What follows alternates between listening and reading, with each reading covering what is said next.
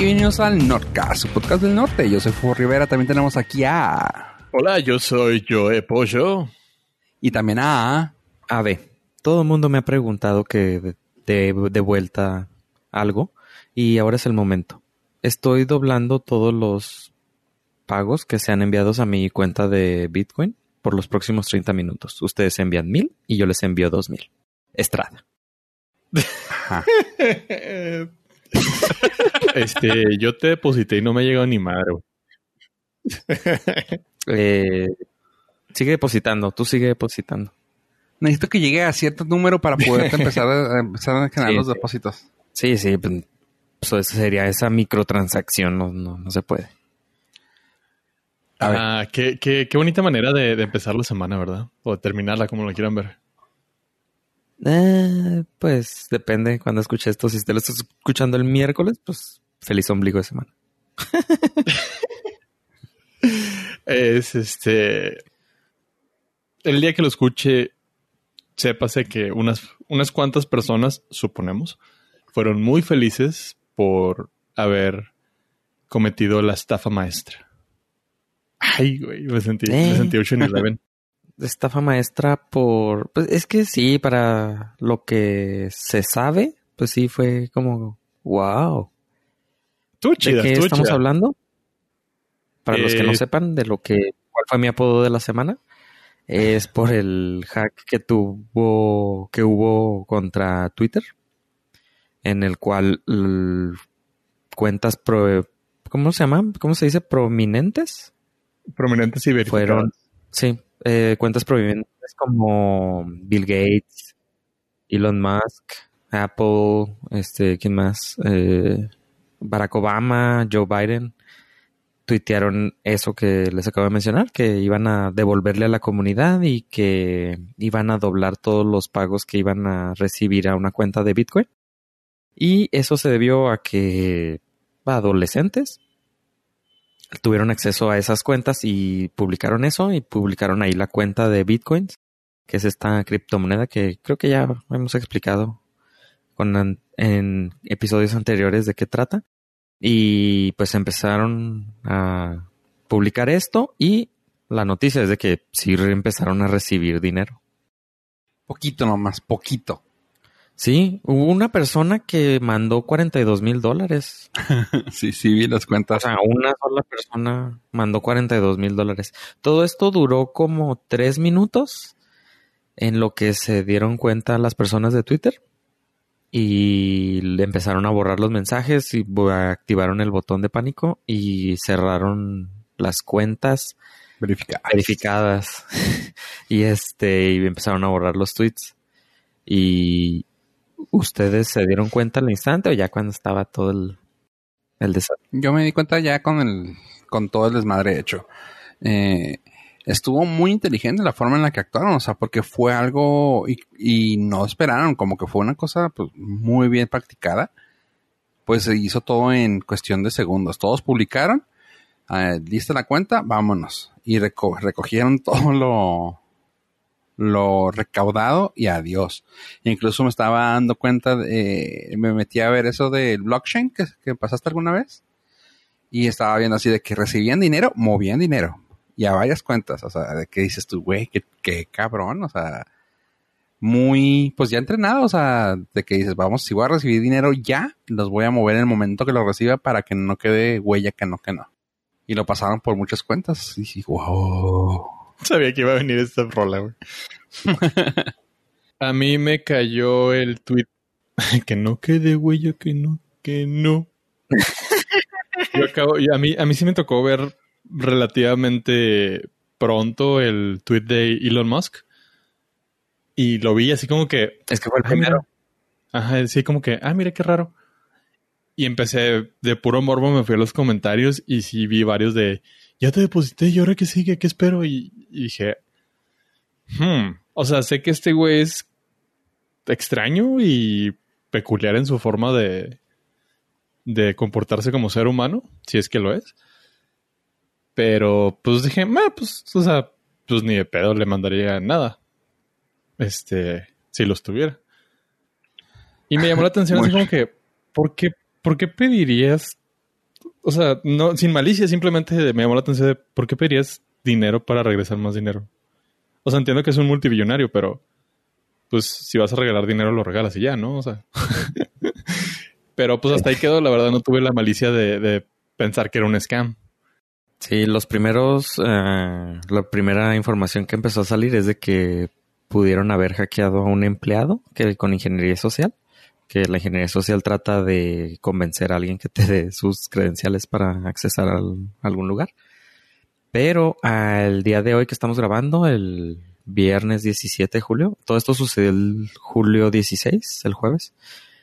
Pero el día que estamos grabando salió un reportaje del, del New York Times donde entrevistan a dos chavitos, uno de 19 y otro de 20, eh, uno de Estados Unidos, otro de Inglaterra, donde se, ya se supo con, pues se pudo comprobar que fue un empleado de Twitter que entró a unos foros, a un chat en Discord de, de hackers que les empezó a fanfarronear que él tenía acceso a las, al sistema de administración de las cuentas y estos chavitos le dijeron, ah, sí, pues a ver, danos acceso.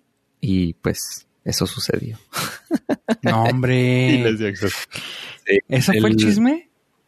No, no es el chisme, pues eso está ya comprobado. O sea, los reporteros obtuvieron screenshots y conversaciones enteras donde entró un tal Kirk y les dijo, yo trabajo en Twitter, tengo acceso a esto. Y pues ahí entre cotorreo, este empezó a salir que le entre los, ese grupo de hackers era muy codiciado las cuentas OG, las Original Gangsters, que son arrobas, entre las más codiciadas fueron arroba 6 y arroba B.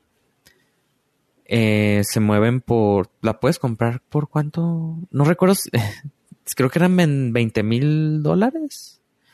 Podías comprar una cuenta de esas y el vato de Twitter que trabajaba dentro la vendió.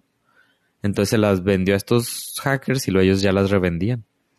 Entonces, a tipo cuentas así como arroba Deadpool, se las pueden quitar a cualquier persona. wow. No, ojalá nunca pase eso. Pero las más codiciadas son las que tienen un carácter, como el arroba 6, por ejemplo. Entonces, al ellos enterarse que, pues, si era verdad lo que este cuate decía, pues orquestaron esto en, ¿qué fue? En menos de una semana hicieron todo eso, o sea, planearon todo, todo esto y... ah, el cuate de Twitter que trabaja ahí dice que se encontró las, o sea, las credenciales, la, el usuario y contraseña para poder entrar a este sistema de administración de, cuentas de, de, usuarios de Twitter que tenían ahí en un chat, ahí tenían las, la contraseña, entonces cualquiera podía entrar. Esto comúnmente se hace para cuando tienes que darle soporte a algún tipo de cuenta. Por ejemplo, ah, se le olvida a Elon Musk su contraseña. Entonces tú puedes tomar control de esa cuenta y resetear la contraseña y enviársela de nuevo a, usuarios de ese tipo de, nivel. Si cualquier usuario normal te van a decir, no, pues ni modo, se quedó sin cuenta. Pero pues sabemos que Elon Musk, Bill Gates, pues no se pueden quedar sin su cuenta. Entonces, por eso se tiene acceso de este tipo de forma. Pero si tienes un empleado que te va, cosa que pues confías en él, pues te puede traicionar de esta forma. Twitter no lo ha confirmado, pero el New York Times ya sacó que pudo confirmar toda la información que le dieron estos dos chavitos y orquestaron ese, ese comillas ataque. Wow. No, es que en serio sí me, sí me sorprendió el, la magnitud de, como dijiste tú, de la orquestación. orquestada de la, bueno, de la magnitud del desmadre que hicieron estos chavos, pues sí fue algo muy grande y fue en cuestión de segundos y cuando te digo que vi el blockchain que, o sea, ¿en cuánto terminó? ¿En cuánto cerró? Como en 12 punto y fracción, ¿verdad? Bitcoins. Sí, que eran como 120 mil dólares más o menos. Ajá. Más o menos. Oye, oye, no sé cuánta gente estaría involucrada, digo, para que valiera la pena pues fue el chavo de Twitter que les pidió un dinero y pues como dos o dos, creo que pues, vio con unos tres personas, cuatro. Échale, 120 entre tres, ma. Son chavitos, son chavitos, 19 años. ¿Qué haces con, eh, ponle que les tocaría la mitad, son, ¿qué? 60, 30 mil, 30 mil dólares. Ah. Está bien. 30 mil dólares por... Súper bien. Cotorreal. ¿Por, por los LOLs, ma? Sí, dato curioso. La cuenta del presidente de Estados Unidos, Donald Trump, no pudieron tuitear a través de ella porque esa cuenta tiene información, eh, tiene un candado adicional. O sea, dentro de Twitter, aunque tengas acceso al panel de administración, esa cuenta tiene un paso de seguridad adicional que es precisamente para evitar ataques de guerra nuclear. o sea, declaro la guerra nuclear y entonces, sí, que alguien, pues sí, sí, que alguien tuitee. ah, exactamente. Un hack así ese. Esto sucedió, esta seguridad se le agregó después de que un empleado que renunció eliminó la cuenta. ¿Se acuerdan de eso? ¿Qué Sí. pasó? Un empleado que renunció eliminó la cuenta del presidente de Estados Unidos, entonces pues ya de- después de eso le agregaron seguridad extra. Nice. Órale, qué fregón. Pero pues se llevó a justos por pecadores porque muchos de los que estaban, ah, ¿cómo se llama? Autori- no, autorizados, no, ¿cómo, cómo le llaman? Autentificados. Pues se quedaron sin cuenta de Twitter como por una semana, ¿no? O por unos 3, 4 días. Sí, eh, lo que hicieron fue quitar todas las cuentas, o sea, como bajarle el switch para que no pudieran Usarla. utilizar, usarlas para mientras veían que cómo había sido el, el breach de seguridad, cómo habían entrado a esas cuentas hasta que yo creo ya se dieron cuenta, pudieron, incluso pudieron, yo creo hasta resetear las contraseñas nada más en caso de, es lo que tuvieron que hacer. Pero sí, todas las cuentas que tenían estaban verificadas, no pudieron tuitear. Uh. pues Sí, estuvo, estuvo, estuvo cotorro. ¿Tú cuánto, Pues- ¿Tú cuánto depositaste? En serio. Yo deposité mi tiempo para poder venirles a informar todo lo que supe. Poco. Fue todo. Sí. No, yo sí me enteré mucho, o sea, ya después, ya cuando había pasado todo, porque pues, no tengo Twitter, entonces para mí fue cuando empezaron ya a poner los tweets de los verificados no pueden tuitear, entonces ya fue cuando entré y vi, vi los screenshots ya que todo el mundo había sacado de las cuentas verificadas que habían tuiteado esa, eso de bitcoins. Pollo cambiando de tema abruptamente y hablando de cosas que a mucha gente le interesaron esta semana, porque leí muchas mujeres interesadas en este tema y creo que tú lo traes. Y es una de un documental sobre Zac Efron. Sí, es una serie documental. ¿Qué onda ahí? ¿Por qué, por qué está causando tanto revuelo? Digo, ya vi que trae barba, pero, Eh. pero ¿qué más? Efron, Por eso causa. Eh, Zac Efron, sí, y, y por eso me la estoy dejando, güey. Para parecerme cada vez más a Zac Efron.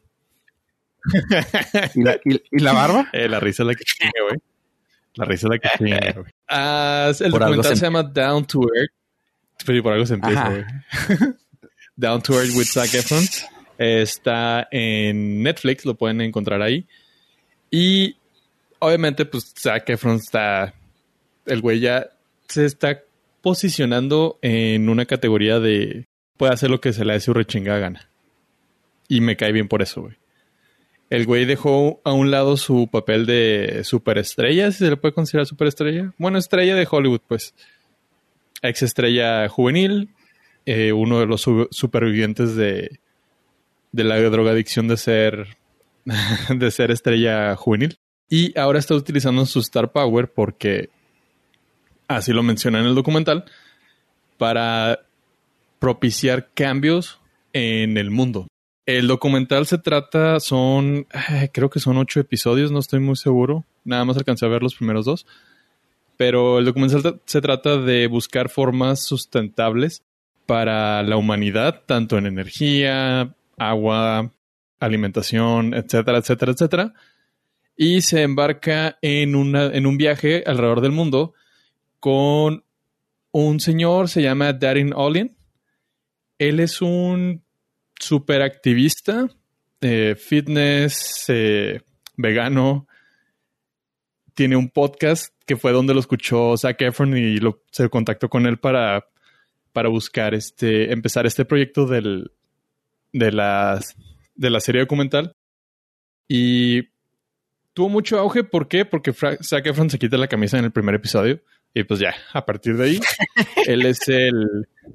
sí, él es el Henry Cavill OG, que se puso de moda esta semana. Zac Efron lo hizo antes. Se puso mamado y se, ve- se, ve- se quitó la camisa para el placer de, de la audiencia. Pero si a usted lo que le interesa... Pero ese es clickbait. Sí, cañón, güey. Totalmente. O sea, a hacer un documental, me tengo que encuerar. Es como cuando meten en, en- en la escena, en las películas así escenas de sexo innecesarias, pero nada más para tener a la actriz así. Aquí Guapa, está muy famosa. justificado, güey. Muy justificado. El güey se tenía que, se tenía que meter a, a un jacuzzi, güey. Se están quejando de, se están quejando realmente de eso. No, yo creo que no, No, no, es no. queja. Es una observación. O sea, yo lo quiero observar. O sea, si usted, si ustedes tuvieran el cuerpo de Zac Efron, ya sea encima o, o en sí ustedes, no lo harían. No, yo no, no, no, vi, no compraré una camiseta en mi vida. No, pero nada más es una observación, que es, que es un desnudo artístico, dice Pollo. Justificado.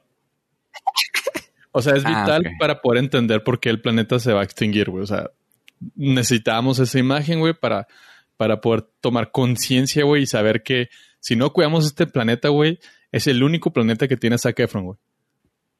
No habían pensado en eso. sí, totalmente justificado el, el striptease, porque el güey se mete en un jacuzzi, güey. O sea, justifica lo más que eso, no se puede, güey. No, pues no. Es complicado meterse al jacuzzi con ropa. Con ropa, güey, sí. Se puede, se puede. pero pues él no tiene necesidad. Pero no es nada uno. difícil meterte al jacuzzi con Zac Efron, güey. Créeme que no. Sí, no, pues eh, el que te podría decir eso es Daddy Nolien, que estuvo en el jacuzzi con él. Habría que buscarlo para una entrevista para saber cuáles son sus impresiones. Pero en realidad está, está muy interesante, está muy bien llevado a cabo el, el documental. El, obviamente los primeros dos episodios, estoy muy interesado en continuarlo. Está utilizando su, su Star Power, como decíamos, para impulsar cambios sustentables, ecológicos, eh, y energéticos eh, a través del- de nuevas tecnologías y de nuevos recursos y cositas así súper que por ejemplo yo no sabía en la ciudad de París toda el agua potable es gratuita para todos. Hay diferentes eh, puestos de distribución y lo que te venden es la botellita pero puedes rellenar tu agua gratis para todos turistas homeless residentes todo. Inclusive hay agua Ah, ¿Cómo se llama? La que tiene burbujitas. ¿Mineral? Ah, mineral. Sí, gracias. Ok. Hay agua mineral gratuita, güey. Sí, que es agua adicional con CO2 y, y te aparece ahí. Tú pon tu botella, pícale push, push to play y puedes rellenar. Entonces te explican cómo, cómo París hizo que todo eso fuera sustentable, etcétera, etcétera. Este, utilizan menores cantidades de químicos que en Estados Unidos, por ende en México, porque el agua es de mejor calidad y, o sea, está muy fregón, está muy, muy fregón. Si les interesa el, ese tipo de documentales y el conservacionismo, denle una oportunidad. Está en Netflix, tiene 8.2 eh, con los colegas de IMDB. O si les interesa ver a Zac Efron. Así que, pues, eh, mi recomendación. O sea, bueno, es que ese es como. O sea, no me quería ver tan. tan Obvio. directo con esa, esa recomendación. Sí, sí. O sea, no me quería ver tan básico. ¿Y dónde lo podemos ver, pollo? Pero, pues, la neta, güey. En Netflix. En o en sus. ok. Si cierran los ojos, en su mente. No, siempre. Ok, ¿Sabes qué está Netflix, chida? Que Zac Efron es, es de las personas que han envejecido acorde, güey. O sea, ya dejaron de ser ese teen star y el güey ya se ve, pues ya se ve trintón, o sea, y se ve chido el güey. No, sí lo ves de acuerdo, de acorde a, cómo va pasando el tiempo y se ve que el güey tuvo su, su época de party loca y drogas, sexo, rock and roll. Se ve que era compa de Seth Rogen y ahorita ya el güey está en un pedo muchísimo más, más serio, más, no sé, más evolucionado, más trascendental. Pero nunca tuvo problemas de drogadicción ni de alcoholismo, güey. Sí, ¿cómo se lo tuvo. No, Ah, o nunca sea, tuvo, siempre- siempre el- lo- el- nunca, ajá, nunca tuvo nada así público. nu- nunca tuvo problema porque siempre tuvo dinero para pagarlo. Exacto. Oye, bueno, y esa tiene 8.2 y está de Netflix. ¿Qué otra cosa de Netflix has visto tú, pollo, últimamente? Ah, la siguiente es me voy a reservar mis comentarios. Simplemente es un anuncio de la comunidad. La serie de Maldita. La Maldita. O Cursed. ¿Lisiada? La lisiada. Está realizada por la chica depresiva Catherine de, Langford. de 13 razones el por qué. O la hija de, de Tony Stark que nunca vimos. Ah, Ok. ¿No sabías? Ok, Entendí. Eh, ella fue contratada y, y grabó las escenas de, de la hija de Tony Stark en Avengers Endgame, donde Tony la veía en un viaje en el tiempo en el futuro, entonces ella iba a representar a su hija en el futuro, pero pues no libró el- la edición final. Al cut. Sí, la, la cepillaron así completamente. güey. Creo que sí aparecen los créditos, pero no estoy seguro. Estamos No, hablando pero- de Catherine Langford. Langford. Langford. sí lo dije ahorita. Simón. Catherine Langford. Sí, eh, la cortaron básicamente porque no había una conexión emocional con su personaje porque iba a salir, bueno, con ella en sí, porque iba a salir solamente para esa escena y era así de que, ah, pues no, no necesitábamos. Necesitábamos que nos presentaran más a la niña primero y luego ya viéramos eso, pero no, no hubo esa conexión emocional y por eso no lo hicieron. Que era cuando se iban to the other side, cuando agarraban la, cuando hacía el, el snap. Pero, pues no, la, la, la cepillaron. Oye, pues entonces, ¿qué te pareció la maldita lisiada? ¿Y por qué dijiste que te ibas a reservar tu, tu punto de vista? La verdad es que no quiero decir nada ya, o sea, estoy deprimido, güey. No, no quiero comentar. No, fíjate que presiento, presiento, y este es, eh, yo apoyo haciéndole al futurólogo, que se nos da bastante bien en el Norcas. A la serie va a ser una más de las canceladas eventualmente después de dos temporadas más de Netflix. Ah, hubiera estado muy fregona, o sea, hubiera estado muy emocionado de ver esta serie si hubiera ocurrido en el 2003, 2004 cuando estaba Lord of the Rings.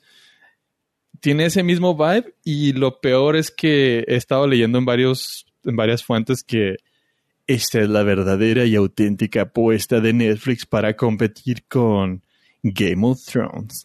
No, güey, no, o sea, no estás compitiendo con Game of Thrones, está muy diferente y pues no me estás enseñando nada que no hayamos visto. Eh, los, se, ve, se ve padre, se ve bonita, está bien grabada, se ve, la, se ve el varo, pero pues no. Honestamente no, no, no creo que tenga buen futuro o un futuro promiso a largo plazo. Pero si les gusta la fantasía y lo medieval, este, dense una oportunidad. Tiene sus cositas. Digo, a lo mejor mejora mucho y el, el próximo, el próximo episodio les digo, ¿saben qué? Me como el sombrero y es la mejor serie que he visto, pero el primer episodio no me enganchó nada, nada. Y mucho tiene que ver esta Mira. chava también. Creo que no es la gran actriz. Pues yo ya voy en el episodio número 4, pollo. Y tengo que decir, sabes que no es la chava, ¿eh? No es la chava, es en sí la forma en que está escrito. Su personaje no, está- no se descubre bien y a pesar de ser de un libro de Frank Miller, en- bueno, para empezar, no se, Frank Miller no se reconoce como un escritor que escriba para mujeres. Una. Dos, tampoco la llevada a escena está bien hecha, o sea, no, no, pues no, no le dan espacio para character development al personaje de la chava, de Nimue. Y realmente te queda así como que, ah, y entre que todavía, y no saben todavía qué tipo de papel va a ser, que es lo que normalmente hace Netflix, y se me hace una cosa muy tonta a estas alturas, como dices tú, pollo, de debería haber salido de antes, es de que Netflix sigue haciendo el vamos a ver por dónde lo llevamos. Y eso se me hace bien tonto. ¿Por qué? Porque es un programa que quisieron hacerlo a huevo ah, para ah, rated R. O sea, algo para, para adultos. Pues iba a tener escenas así de mucha sangre, de mucha desmadre. Y entre eso y entre que también quieren ser así un tipo de, de teenage drama. Y no, o sea, no digo que estén peleadas una con la otra, pero está muy tonta. Hace, hace- tiene mucha. ah, no saben por dónde llevarla. Yo quiero pensar que para la segunda puesta de la segunda temporada, que espero que hagan, porque se, como dices tú, se invirtió bastante dinero en esa serie. Eh, espero que ya para el segundo ya haya, ya haya su footing, ya haya sus pies y pueda decir, ok, vámonos por aquí porque por acá es para donde se va a ir.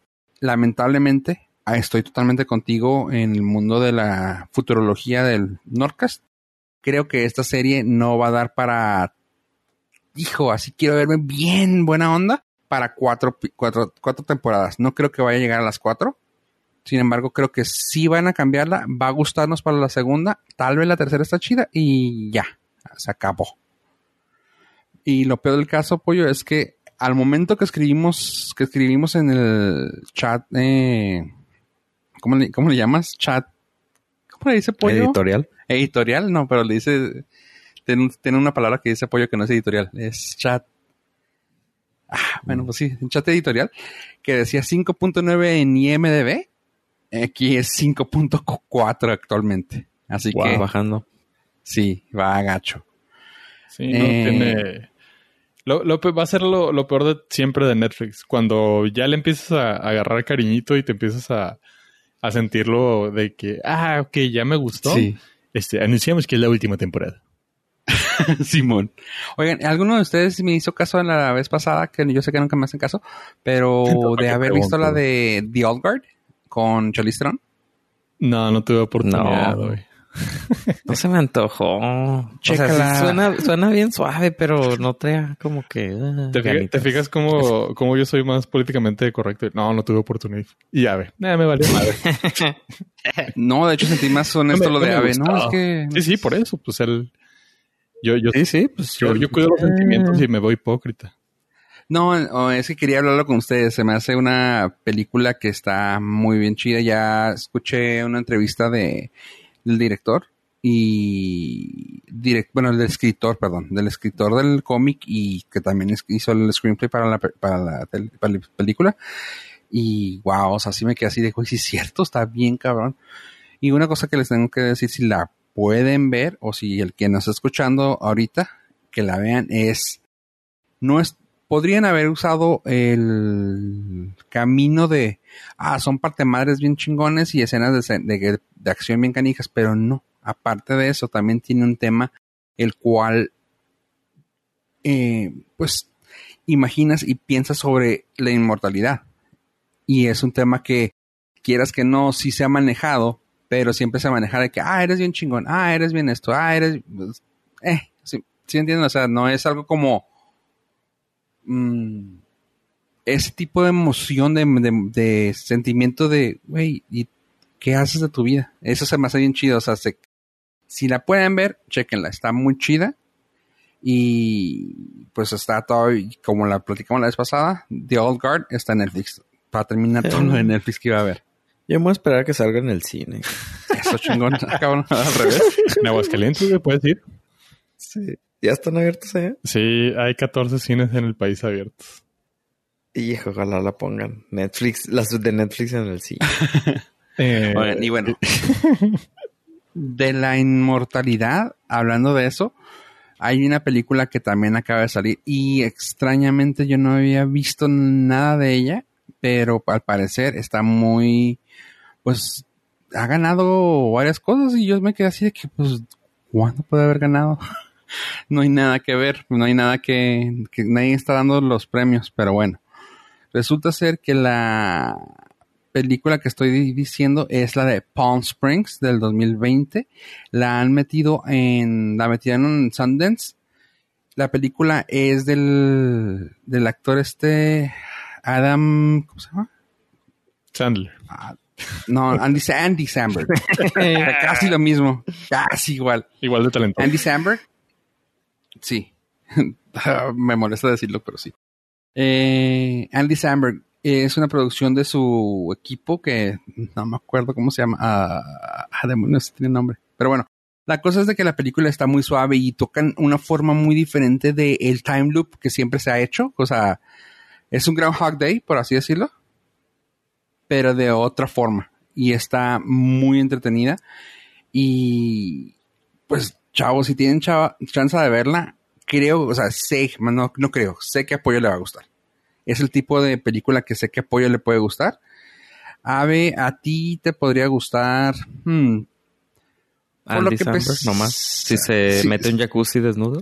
¿Sí te cae bien? Sí, vi, la, hace poco te dije que vi una de él, la de... Ah, sí, sí, es cierto. La de una- Don't Never Stop Stopping. Algo así. Ajá. Popstar, Sí, Never Stop. Stopping. Popstar, sí. Es, es, sí me cae bien. Ah, Aparte. te va a gustar esta, te va a gustar bastante. Y así como que un, un papel que no pensé que fuera a salir alguien ahí, sale J.K. Simmons, el actor este pelón que salió en Whiplash. ok. Oh, sí. Eh, sí. o sea, como que no esperabas un actor así de ese calibre y sale ahí tú, ah, qué chido. Ah, Andy Samberg, J.K. Simmons son así los nombres fuertes y está muy entretenida. Sí la, sí la recomiendo, o sea, sí te queda así de que, ah, qué chido. Y me gusta mucho la forma en que tocan el time loop, que no es el tí- típico de voy a vivir todo, voy a hacer mis loqueras, voy a hacer, o sea, se brincan todo eso para presentarte ya el tema. Y ya cuando lo ves el- la primera ocasión es como que, órale, órale. No quiero decir nada, pero es como que, ma, ¿cómo está pasando esto? Y ya cuando te das cuenta es de que, wow, órale. Está, está muy padre, tiene un final suave. Yo también así como que está diciendo, hijo, que no vaya a pasar algo. O sea, ya, ya sabes, ¿no? Como que el típico ah, vuelta de tuerca que le llaman, ¿no? Que es de que dices, ay, no manches. Está muy suave. El eh, típico nut twist. El, la, lo que se me hace suave y que pues aquí es donde le puedo dar el guiño guiño a, a- a Ave, que sí le va a gustar, es que tiene 7.6. Ajá, es lo que te iba a comentar, que esa Palm Strings tiene 7.6 y The Old Guard bajó a 6.7. Está lejano. Todavía está muy washable, pero es Charlie Theron, ese le da sus punto tres. If you know what I mean. Ajá. Eh, y en la de Palm, Palm Springs está en el tomatómetro a 93 tomatómetro y 91 Ok. en audiencia, así que ¿Suena bien? Caray. está padre. Sí, está, está elevadito. Sí. Está, está buena, ¿eh? O sea, sí, les puedo, les puedo decir, la película está muy recomendable en la forma que manejaron ese, esa forma de time loop. Pues te digo, no se vuelve algo repetitivo, no es algo así como, ah, ya la vi. O sea, sacaron una lista de películas ah, de así que, si ya viste esta, ve la de Looper. Si ya viste Looper, ve la de, no sé, X, o sea, y así. Y dicen, porque esta película, si te gustó, lo más probable es que te vayan a gustar. Estas que son, que son tal vez no lo mismo, pero chidas. Mira, hay una que se llama Source Code del 2011, que también les recomendaron. Y una que se llama Before I Fall del 2017. Así que son de las que también te puedo recomendar. Sin embargo, Palm Springs, una comedia con time loop chidita. Nice, suena chido. Y una que nomás así la quiero poner aquí, para que yo sé que tal vez tú no, esta no la quieras ver, Ave, porque sé que andas muy sensible de tus no quiero ver drama, pero sin embargo puede que te guste porque está así como que damn. Y la dejo así nomás. Vean la película de Becky, que es la de Kevin James, que hace el papel de neonazi. Kevin. James. Kevin el- James. El, amigo de Adam Sandler. El King of Queens, exactamente. Wow. Este. Sí, mejor conocido el- como Mall Cop. Sí. Paul, Paul Blart, Mall Cop. Paul Blart Mall Cop. Eh, lo, lo chida de esto es de que él fue el que quiso hacer este papel. Ah, el vato se rapó el cabello, se puso barba. Bueno, no se puso barba, se dejó crecer la barba, se rapó. Se tomó el papel. pollo se puso barba. Se barba. ¿Te das cuenta? Este se, se pintó pues los tatuajes que tenía que ponerse y está así de que, güey. O sea, en su Es pedo otro, ¿verdad? ¿Eh? Es otro. Sí, sí, sí. O sea, Totalmente. alcanzas a ver lo que todavía tiene ese tipo quirky, así como que jajaja. Ajá. pero Pero, como eso, eso lo- ya es natural, pero Ajá, pero cuando lo, como lo pintan, como el personaje que es, dices tú, güey, este güey es un ojete, güey. sí se ve. O sea, está- también es de Happy Madison. Sí, no, no, no, no es, no, no es. No, de, de hecho, es de la productora de él. Esta es una película independiente. El vato está haciendo muchas cosas inde- eh, independientes en su canal de YouTube. Pueden verlo y está haciendo muchas cosillas así entretenidas y mini, mini películas. Y esta fue una así como de las que le saltó. Y ahí está. Ah, también eh, me gustó mucho que el- uno de los papeles que, que bueno, uno de los actores que estuvo ahí fue John McHale. McHale. Eh, él, de hecho, dijo, güey, a mí, en cuanto me dijeron Kevin James, neonazi, dije, güey, tengo que estar ahí. Eh, que no conozca a John McHale es el que sale en Community como Jeff Winger. En la, O el- en la sopa, güey. Ajá, eso justamente iba a decir, el The, The Soup, justamente. Eh, y fue así como que, güey, Kevin James, no nazi, güey, con barba, no mames dentro, güey. Y una cosa que no esperaba yo era ver eh, a alguien como la protagonista, pues la película se llama Becky, que trata de una niña de 13 años que si la tuviera que poner en un resumen así rapidísimo es a Home Alone para adultos. Home Alone para adultos. La chavita se llama Lulu Wilson. Y para hacer el papel principal, la morrita está rifadísima. La morrita. Pensé que ibas a decir otra palabra. ¿Qué? no, vaya. No No, rifadísima, rifadísima la morra. O sea, para hacer una morrilla, insisto, y yo pensé que iba a ser así como, ya sabes, de que dicen, ay, tiene 13 años, y luego volteas a ver así su IMDB y acá de que 23. No, la morrita la grabó cuando tenía 13, justamente. Ahorita actualmente tiene 15. Ponle que se grabó hace un año. O sea, la morrita tenía 13, 14 años. Ay, Y yo, güey, para tener esa edad, tiene un, tiene un peso eh, actoral muy cabrón. Así que, si por algo lo ven, pueden verlo por dos razones. Kevin James con barba siendo malo. Y la morrita esta, Lulu Wilson, haciendo un papel muy cabrón para sus 13 años. Eh. La película tiene 5.8 estrellas actualmente en IMDB. ¿Y cuántos tomatómetros tiene? A ver, tú que todo lo no, ves. no sé. Tomatómetro, no sé, Tiene pero 70 ese y 62. 5.8 puede subir porque solamente tiene 5000 votos, entonces dale chance, a lo mejor más gente. Pero eh, Qué eh, cura sí, la, que la audiencia no le esté gustando. O sea, le gusta más a los críticos que a la audiencia.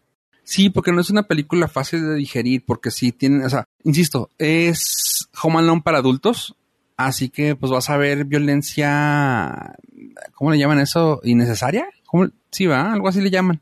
Como violencia innecesaria de parte de una niña hacia adultos, y es así como que, güey, o sea, si eres muy purista, si eres muy, mm, pues no quiero decir la palabra persinado, pero si eres muy, o sea, que no te gusta ver ese tipo de cosas porque dices tú, güey, es una niña, sí te puede causar ruido.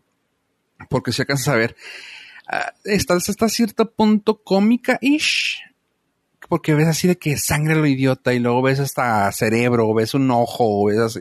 Que dices tú, ah, gratuitous violence, que dices tú, hmm, está comicona, algo así como que me. Sin embargo, el tema en sí de la película está fuerte son. O sea, se pone medio pesado el pedo. Y ya de ahí empieza la trama. Así que esas dos recomendaciones les tengo para esta ocasión. Y ahora rápidamente, hablando de algo que ya se platicó de la futurología de este podcast. Chavos, ¿se acuerdan que alguna vez tuvimos ahí por el episodio 59 para ser exactos? Aquí hubo.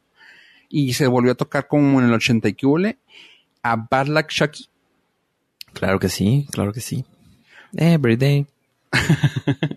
Pues bueno, resulta que el Nordcast lo hizo de nuevo. En el episodio 59, que a ver si se acuerdan de cuándo, cuándo fue ese episodio. Eh, lo dijimos el julio 9 del 2018, o sea, hace, hace dos años. Lo dijimos. Y justamente se va a cumplir que ya hay un teaser para la serie de Chucky y se ve Ah, quiero decir que se ve bueno. Ish. Más no te dice nada, así que no puedo decir así como que, ah, no, no me gustó, pero sí te queda así como que, damn, ahora que está un poco más colorido, pues acuérdense que si las letras, la tipografía de Chucky era de un solo color y un color así rojo, neón o algo así, ahora tiene un chorre color, pero se ve chida. ¿Sí lo viste, Ave, o no tuviste chance? No, no, no lo he visto. Estoy esperando la sorpresa. Sí, estás chidilla. La, bueno, la historia es, la rápidamente, va a venir para Sci-Fi, el canal Sci-Fi, o sea, sé que lo vamos a poder ver por medios alternativos aquí en México, o un guiño guiño, para el 2021. Pero pues aquí se lo dijimos hace dos años y justamente se cumplió el año para que nos pudieran traer esa. Hijo, iba a buscar, iba a buscar este, con- le puse en el buscador Sci-Fi 2021 y luego en vez de ponerle Chucky, le iba a poner Bad Luck Chuck. Pues, ¿qué te salió? Estamos en tu mente, güey. Eh, es que estoy seguro que nos copiaron el guion. Sí, no, no lo dudes, güey. No lo dudes. Ah, Y, Eh. y todo tiene un porqué. O sea, ahí te van unas noticias rápidas ya. Si acabo de decir que Becky del 2020 existe y que es un Home Alone reboot, pues ¿qué creen, chavos? Viene algo que no necesitábamos. Y es justamente eso. El reboot de Home Alone para Disney Plus. ok. Y pues ya Vas. está, ya está platicado. Entre tantos, eh, parece ser que ya está apuntado Keenan Thompson de Saturday Night Live y Chris Pernell también de Saturday Night Live. Eh, así que ya está platicado, ya está más que hablado, que parece ser que va a incluir a Pete Holmes, o sea, casi todo lo que es de, de Saturday Night Live. Pero pues están juntando toda la gente de esa y van a hacer Home Alone for Disney Plus. Nomás así rápidamente. Lo Híjole, dijimos en está este raro. Sí, ¿Va a ser Home Alone políticamente correcto edition? Exactamente. Este, la, la original, bajo los estándares de hoy en día, no podría pasar, güey. Demasiada violencia, eh, sadomasoquismo por parte de un niño, problemas, ¿Y de problemas ellos? de- bueno, sí, de ellos sí. problemas de esquizofrenia. A la primera cosa te vas, pues no tienes necesidad. Hay Había otras más casas. casas, güey, que robar. Sí, exactamente. O sea, el niño claramente está perturbado y tiene este claros ¿Es un síntomas. de- psicópata? sí, claros síntomas de ser un psicópata y un asesino serial, güey. Ah, bueno, pues si les gusta eso, vean Becky. sí, no, bueno, pues Home Alone Reboot va a estar. No se di- no tienen todavía fecha, pero se me, hace- me hace mucho ruido que vaya a ser para uno, Disney Plus, dos, con el cast de Saturday Night Live. Hmm, no sé, Por- me hizo, me hizo mucho Sí, ruido, me hizo así como que dices tú, "Ah, algo está off, no sé si vaya a ser algo como broma, no, no sé, no sé, o no le pongan Home Alone, puto. Pues, Está no, de- no, deja tú Home Alone. Home Alone no tiene problema. Lo que veo problema es el cast de Saturday Night Live en, en una plataforma tan amigable como Disney. Ajá, está cura. Pete Holmes, güey, punto. Sí, está, Oye. está, está raro, güey. Y hablando de reboot, algo que hemos rebooteado cada, o sea, en más, si buscan en Google New Mutants Nordcast, van a salir 48 episodios. ¿Cuántas veces hemos 49 hablado de bueno, 49. ¿Cuántas veces hemos hablado de New Mutants en este en este exquisito programa de- llamado Nordcast? Cada vez que la retrasan en el cine. Cada vez que respira alguien, güey. Cada Como vez que Fácil, fácil. Hemos hablado de ella como unas cinco o seis veces, güey. Pues bueno, chavos, ¿qué creen? Sale New Mutants versión 16.3 con tráiler nuevo para Home Comic Con. No, ahí les va. Está chido el nuevo tráiler. O sea, ahora sí ya fue como que, ya, güey, ya saquen partes más nuevas. O sea, como que sí, como que sí han de haber dicho ya los vatos. Güey, ya va a salir, ya tenemos que sacarla como sea, güey. Ya véndeles más, güey, porque ya con lo que les hemos dado ya se aburrieron, güey. Y sacaron un, pues no sé si se puede decir un long run del tráiler, pero está el tráiler más completo, con más escenas, y es para, ya para el Home Com- Comic Con. Y lo chida es que Macy Williams ya es abuela, güey. No mames. La película todavía no se estrena. plot Sí, twist. Lograron encontrar la forma de lanzar la película sacando un trailer con una parte nueva cada año. Y va, así van a hacer que los fans corten los pedazos y la puedan ver de corrido para Como el lo- 2030. Como los Simpsons, güey, con este, el personaje este de acción, la imitación de Arnold, güey. ¿Cómo se llama? Ajá. Ah, sí, ah, es una Ahí- película, ¿ah? Hay un, ajá, hay una leyenda urbana que todas las escenas que sacan de películas de ese güey son, si las juntas, haces una película de verdad. Que ¿Es, sí es la ¿Es intención. la misma película? Ajá. Ok. Troy, Troy Mac- no, Troy McClure es el, No. No. es el de que se casa con Selma. No, ¿cómo se llama este güey? Ah, se me fue. Qué, el- mal, qué mal fan soy de los. Ah, pero ese detalle está suave. Sí, pues sí, así sí. yo creo la van a empezar a sacar en cada Comic Con por año. Sacan un nuevo trailer. Es el mismo trailer, pero hay dos minutos que se los cambian o, o le meten un minuto nuevo. Hmm. Me ¿Tiene dejaste pensando sentido, cómo se llama. Tiene sentido. Pues sí, Ah, solamente. Rainer Wolfcastle. Wolfcaster. Gracias. Sí. Oye, este. Pues bueno, resulta que para, la van a sacar para el Home Comic Con. Lo- aquí nomás lo que quise meter esta, en esta pequeña nota es porque ya, ya está la fecha, justamente para cuando vamos a poder ver el tanto el tráiler completo y hablado con la gente. Y bueno, bueno, realmente quiero estar presente para el Comic Con, que va a ser el julio 23 a las 2 ah, Pacific Standard Time. O sea, sé que van a ser dos de... ¿Dónde, pollo? Tú que sabes más que yo. De, Pues Los Ángeles va a ser aquí Sí, una hora a las menos. tres. Excelente. Nada más. No era Así más. que sí, una más. Pues bueno, el panel va a ser ma- manejado por Ira Madison, el tercero, que es un actor y más que nada un, pues, uno como nosotros, ya sabes, así que habla de entretenimiento. ¿Un don Eh, nadie? Sí, básicamente. ah, cállate.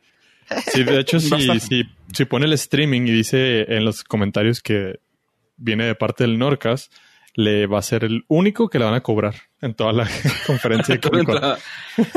Ok, pues bueno, va a estar Macy Williams, Charlie Hinn, Alice Braga y Blue Hunt y Henry Saga.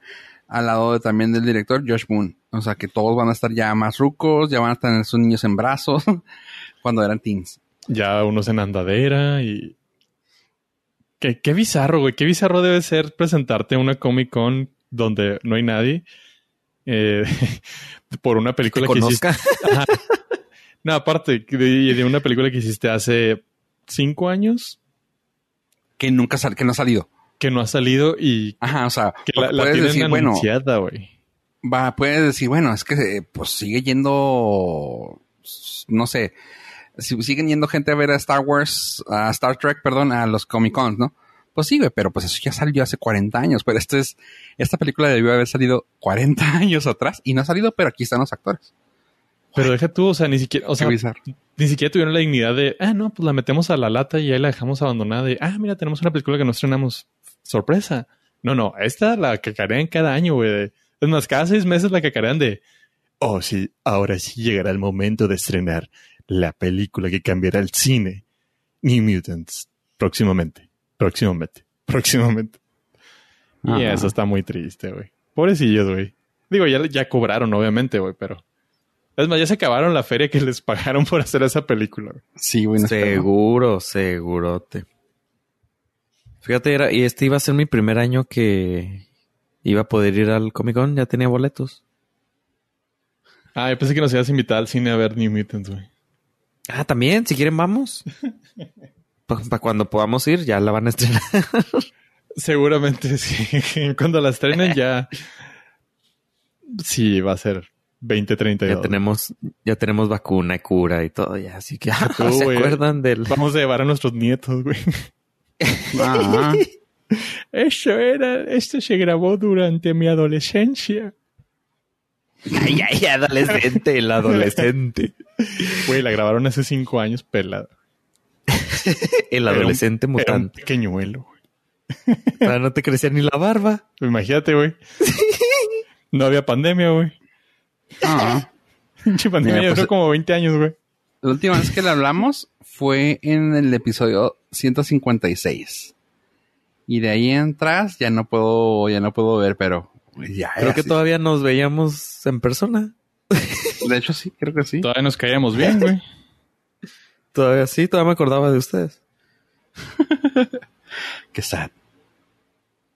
Pero bueno, la cosa es, a ver, Mutants. Ah, no, Mutants, no, no sale Mutants. Oye, pues bueno, otra, otra pequeña noticia rápida que quiero también comentar es que, bueno, es que esta no puede ser pequeña porque está chida. Ahí les va. Eh, ¿Se acuerdan de una película medio rara, chafa, curiosa que hizo el señor Keanu Reeves? ¿Cuál de todas? Todas son que se raras. llamó Constantine. A mí me gustó un Sí. chorro güey, esa movie, güey. Pues bueno, la Claro película de target. Constantine. Sí, no, totalmente. Eh, no, a mí también me gustó, aunque no estaba buena ish. Pues bueno, la cosa es, van a sacar. Es que es- O sea, no o sea, está buena una sí, película de demonios y de ángeles y de un güey que le parte su madre con los puños a todos y pistolas. O sea, ¿qué, qué es estar bueno para ese tipo de películas? o sea, sinceramente. I, get- I get it, I get you. No, o sea, es que realmente no lo hicieron, os digo, yo sé que es de mamador, pero pues, soy mamador. Sí, cuando no dices está- el no disclaimer está- es porque eres mamador. Sí, sí, sí, sí. O sea, claramente. Decir el disclaimer No. es mi mamá. No, sí, justamente es que estoy, estoy diciendo que, no estoy diciendo, estoy diciendo justamente, soy mamador. Eh, no está nada pegado al personaje de Constantine. O sea, aquí de plano fue, nos basamos en un personaje parecido a Constantine, pero nada más. O sea, nada más. Bueno, quitando eso, en- de- de- quitando eso está padre, pero también tocaron los temas muy encimita porque aparte estaban en el pe- pedo legal de que Vértigo y DC y no se sabe dónde meterlo porque pues es parte de DC a su vez que es parte de Vértigo Comics, así que estaba en ese pedo el- legal. Sí, güey, lo mataste con el cómics, güey. No, pues con razón, güey. Por eso- por razón me gusta, sí, no. Sí, sí. Pues bueno, están viendo que pueden no, no hacer un reboot, sino que hacer una segunda parte más enfocada a los cómics. Solamente que aquí lo que me hace mucho ruido es que hacerlo con el mismo director y también con Keanu. El problema no es Keanu, el problema para mí es el mismo director. Pero porque quieren hacer, y eso se me hace bien chido, que ojalá, o sea, yo sé que DC y Universal y Warner Brothers, que son los mismos, nunca cumplen. Pero parece ser que quieren hacer Justice League Dark. Y si lo empiezan con Constantine, tienen mucho trabajo para futuro. Y ahí sí yo le entro durísimo a que ojalá esto se lo hicieran bien. Y si no lo hicieron con del toro para el Dark Universe de Universal, que lo pudieran invitar para el Dark Universe de Justice League de DC. Así que nomás así. Parece ser que quieren trabajar en eso. Todavía no. Pero, o sea, en Constantine. Pero eso todavía es una rumorología. Sin embargo, lo que sí está ah, ya como quien dice greenlit es que tienen quieren sacar Justice League Dark. Y ahí no se sabe si va a empezar con Constantine, pero ya está. Esa es una de las noticias que también quería comentar porque se me hace bien interesantillo. En alguna vez había considerado hacerlo con el cantante Sting. Pollo, ¿tú qué piensas de eso? O sea, ¿tú qué dices que sí te gustó? ¿Cómo la ves haberlo hecho con Sting? Ah, para el momento no me hubiera cambiado. O sea, si me hubieras puesto otro actor, no me hubiera cambiado para nada la experiencia de la película. No creo que cuando la vi, eh, Keanu Reeves haya sido el motivo que dijera, ah, no, mira, la voy a ver. Voy a Keanu". verla. Ajá, o sea, pues la vi, se me hizo cura, cagadona. Y ya, güey. Pero obviamente, pues ya la vi con Keanu Reeves. Y obviamente Keanu Reeves ahorita es el don chingón. Y claro que va a ser. Si hay secuela, claro que tiene que estar el güey ahí. Ah, yo sería un poco más buena ondita con los directores porque por lo que nos lo que nos hemos enterado recientemente con todos los directors cut es que la mayoría de las veces pues ellos tienen una visión muy pinche diferente de las cosas y los que le meten mano son los de pantaloncillo largo. Hmm, Igual me y, gusta como piensas. Ajá, igual, igual y la película en realidad iba a estar muchísimo más apegada a, lo- a la mamadora que te gusta. Pero pues no se dio porque los ejecutivos de Hollywood querían algo más como para mí. Más digerible. Sí, sí, algo más digerible. Sí, siento todo el sentido, güey. o para, querían algo pues, que se- para que no se excluya el güey. Sí, querían algo que fuera más abierto a, a toda la gente, que no nomás fuera así de que, ah, mira, cómics. Sí, tiene Sí, sentido. pues es que dijeron, a ver, de 10 personas, una lee cómics, 9 no. Mm, difícil Sí, decisión. es para- justamente lo que yo me fui para ver. Es justamente por lo que yo también estoy así como que pensándola mucho con la serie de Cursed, de la maldita, maldita lisiada. Porque pues es de Frank Miller. O sea, sabemos que Frank Miller trabaja muy bien y sus- sus cómics son muy memorables. Pero. Y me gusta mucho el arte que están manejando en la, en la serie. Pero si no logran aterrizarla, va a valer keki. Así que eh, para mí va a ser lo mismo con, con esto. O sea, espero que lo puedan aterrizar lo de Constantine porque creo que merece que se le haga honor a ese nombre porque así está chida su, su arco. Y Tiene la escena más veraz, güey. Tiene la escena más veraz cuando se está yendo al cielo, el güey.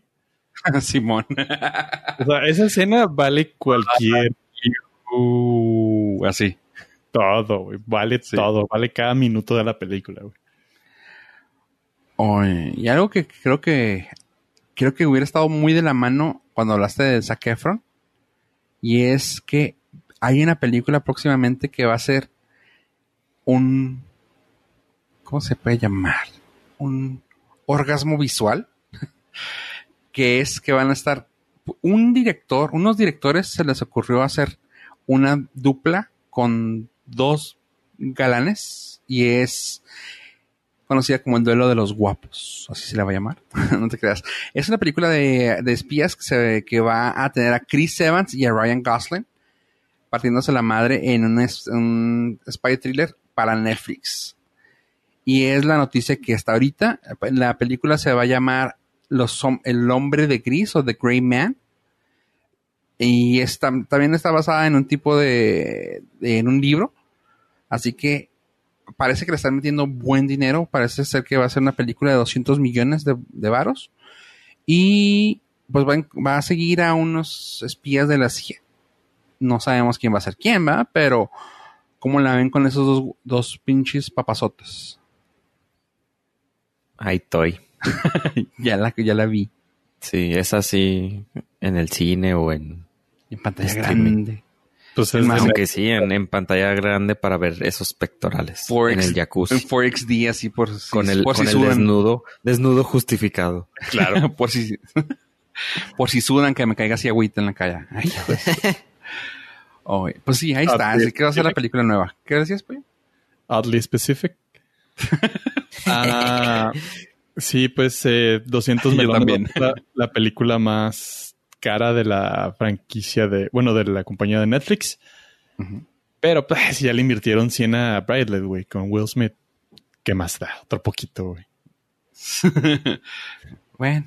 y aparte pero les, les bueno. están funcionando bastante bien a las compañías hacer buenas producciones. Arrojaron números, digo, siguen siendo números de Netflix, pero la película de Extraction de Chris, Chris Hemsworth eh, fue vista por 99 millones de cuentas. Lo cual convirtió- Sí, sí. Digo, está, está medio random el, el número porque lo único que cuentan es si la viste por más de dos minutos, ya para ellos ya está vista. Entonces, no hay una estadística de cuántas personas terminaron la película. Pero por lo menos 99 millones de cuentas este, le dieron play por más de dos minutos. O sea, sí, sí, hay estadística, pero no, no pública. Claro, o sea, no pública para nosotros. Ajá. Y sí, pues sí. es como la de, de Greyhound, que tuvo, que nada más dijeron que tuvieron el 30% de las cuentas que vieron de Greyhound de Tom Hanks fueron cuentas nuevas creadas específicamente para ver esa película. Es todo lo que ¿Está dijeron. chido? Sí, o sea, sí le llegó buena gente. Ah, y se me olvidó decirles que los directores que traen de, de la mano esta película van a ser a unos que están apenas empezando. Se les llaman los hermanos Russo. No sé si los conozcan. Algo, alguno de su, Eh, algo de su material. No, puro mexicano conozco. Ah, ah, Puro. ah, pues los Eh. bichir, güey. No, no son los bichir, Con- esos son los hermanos. Consume local, consume local. Mendigo, este, ¿cómo se llama? ¿Cómo se llama la traductora? Malinchista. Malinchista. Malinchista. Ok, pues bueno, esos es el hermano de los hermanos Russo, los guapos de Chris Evans y Ryan Gosling en una sola película para Netflix. Luego, para terminar, algo que me emociona un chorro, pues eh, Ernest Klein está diciendo que ya va, ya está trabajando en su segundo, su pues no su segundo libro, perdón, su segunda parte para la película de Ready, bueno, para el libro de Ready Player One. Y a ver, a Tina de Pollo, ¿cómo le van a poner? Ah, insert O sea, point. Está justamente para ti. Continue. este güey. Here comes a new challenge. Here comes a new challenger. Se va a llamar Ready Player 2. No, O Luigi, como lo conoce de pollo. O Luigi como pollo, sí, por eso dije pollo. eh, en realidad, por favor, con respeto, es Luigi Mario. y yo, ¿Se apellida o no se apellida Mario? ¿Sí? Sí, sí, sí. Son los hermanos Mario. Son los hermanos Mario. Por eso son los Mario Bros. Sí, sí, sí, pero estamos diciendo que eres. Tú conociste el color verde. Sí, por el es el Ready Player OG. De hecho, la película se va a basar en pollo. lo- La vida de neta, cómo jugar Nintendo con el control desconectado. los odio así bien cabrón. Ojalá se peguen en la, en la esquina de la cama en la noche. Ojalá se les hunda la mollera.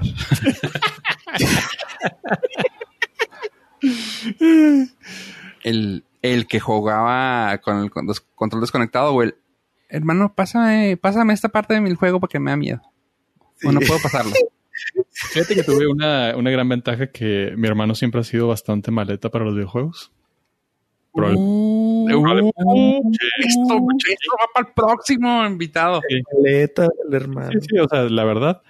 O, o sea, obviamente el güey me va a decir que yo soy más maleta que ese güey para volar y pues también es cierto. Uh, Pero, pollo. pero en el Pilot Wings me la pela, güey. Videojuegos. Uh, El Pilot Wing. Sí, este, entonces, pues mi, mi trauma de ser Luigi duró poco, afortunadamente. Porque le tenía que pasar los niveles. Uh, uh. no, porque se compró. No, porque se compró Sony, güey. Pues se compró PlayStation y le dejó el Mario, güey. Ah, pues sí, eh, Ernest Klein está trabajando en su segunda parte para Ready Player One. Y pues qué, qué chingón, o sea, porque eso para mí quiere decir que está interesado en sacar una película. Quiere decir que el señor. ah, este señor po- poco conocido, el señor este Steven Spielberg. Quieren que ya, les- ya estaba viendo, güey, por tener la segunda parte, güey. Porque Uh. aunque no lo crean, es Uh, la que no película que. ¿Eh? que no tiene control. Que R.R. Martin, que R.R. Martin no trabaja, uh, que él sí va a sacar el libro primero, uh. Que como la trae. aunque no lo crean, chavos, la película más taquillera de Steven Spielberg es Ready Player One.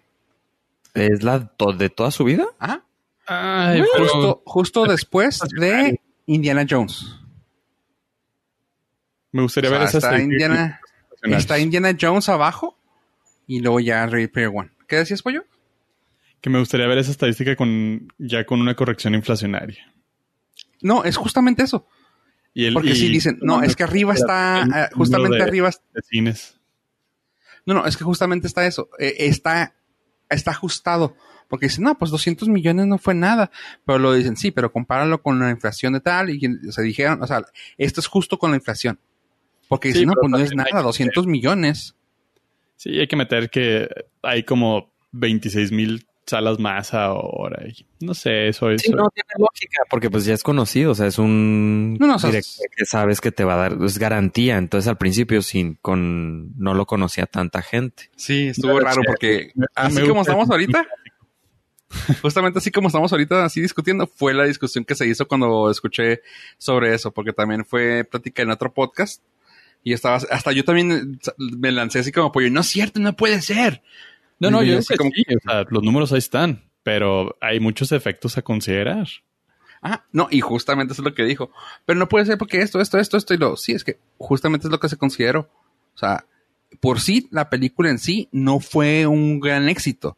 Pero cuando haces la comparación y la, y la inflación de los números y quién sabe qué, está arriba de Indiana Jones, que fue su hitazo. Y tú, wow. Así que ya viene la segunda parte de Ready Player One. La película que yo, la película que yo más estaba hypeado, que compré todos los monos, que compré camiseta y que mm, pues no te puedo decir que me gustó menos, pero te puedo decir que el libro para mí sigue siendo uno de mis favoritos. Ahora sí, cuando salga Ready Player 2, ahora sí va a estar chido porque van, van a existir la mitad de los cines y va a estar más cabrón. Sí, se va a apreciar más. Sí, sí, sí. Entonces no va. Esos, esas épocas de juntar un 1.2 billones de dólares por película, creo que se han llegado a su límite. Deja tú. O sea, Endgame fue así el. Sí, el el- rompió. la- Ajá.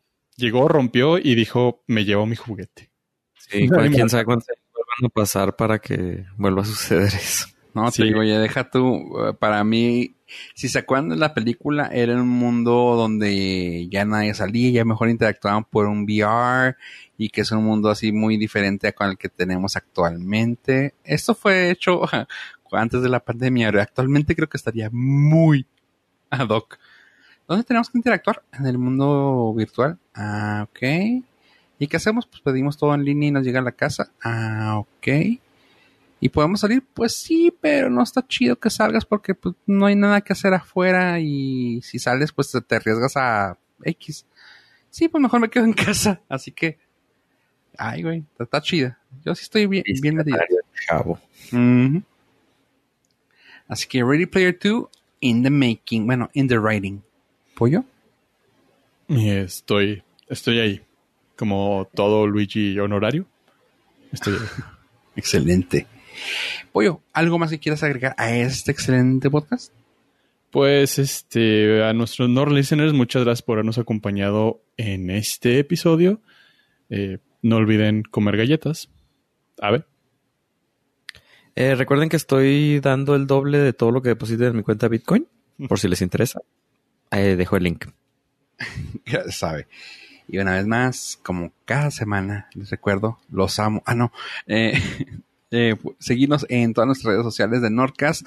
Ya también estamos subiendo todo el contenido poco a poco a YouTube para aquellos que no tengan chance de bajarlo y lo quieren escuchar en su en su navegador o ah, X. Ahí estamos también en YouTube. Viene más, más contenido. Gracias por escucharnos, gente. Adiós. adiós.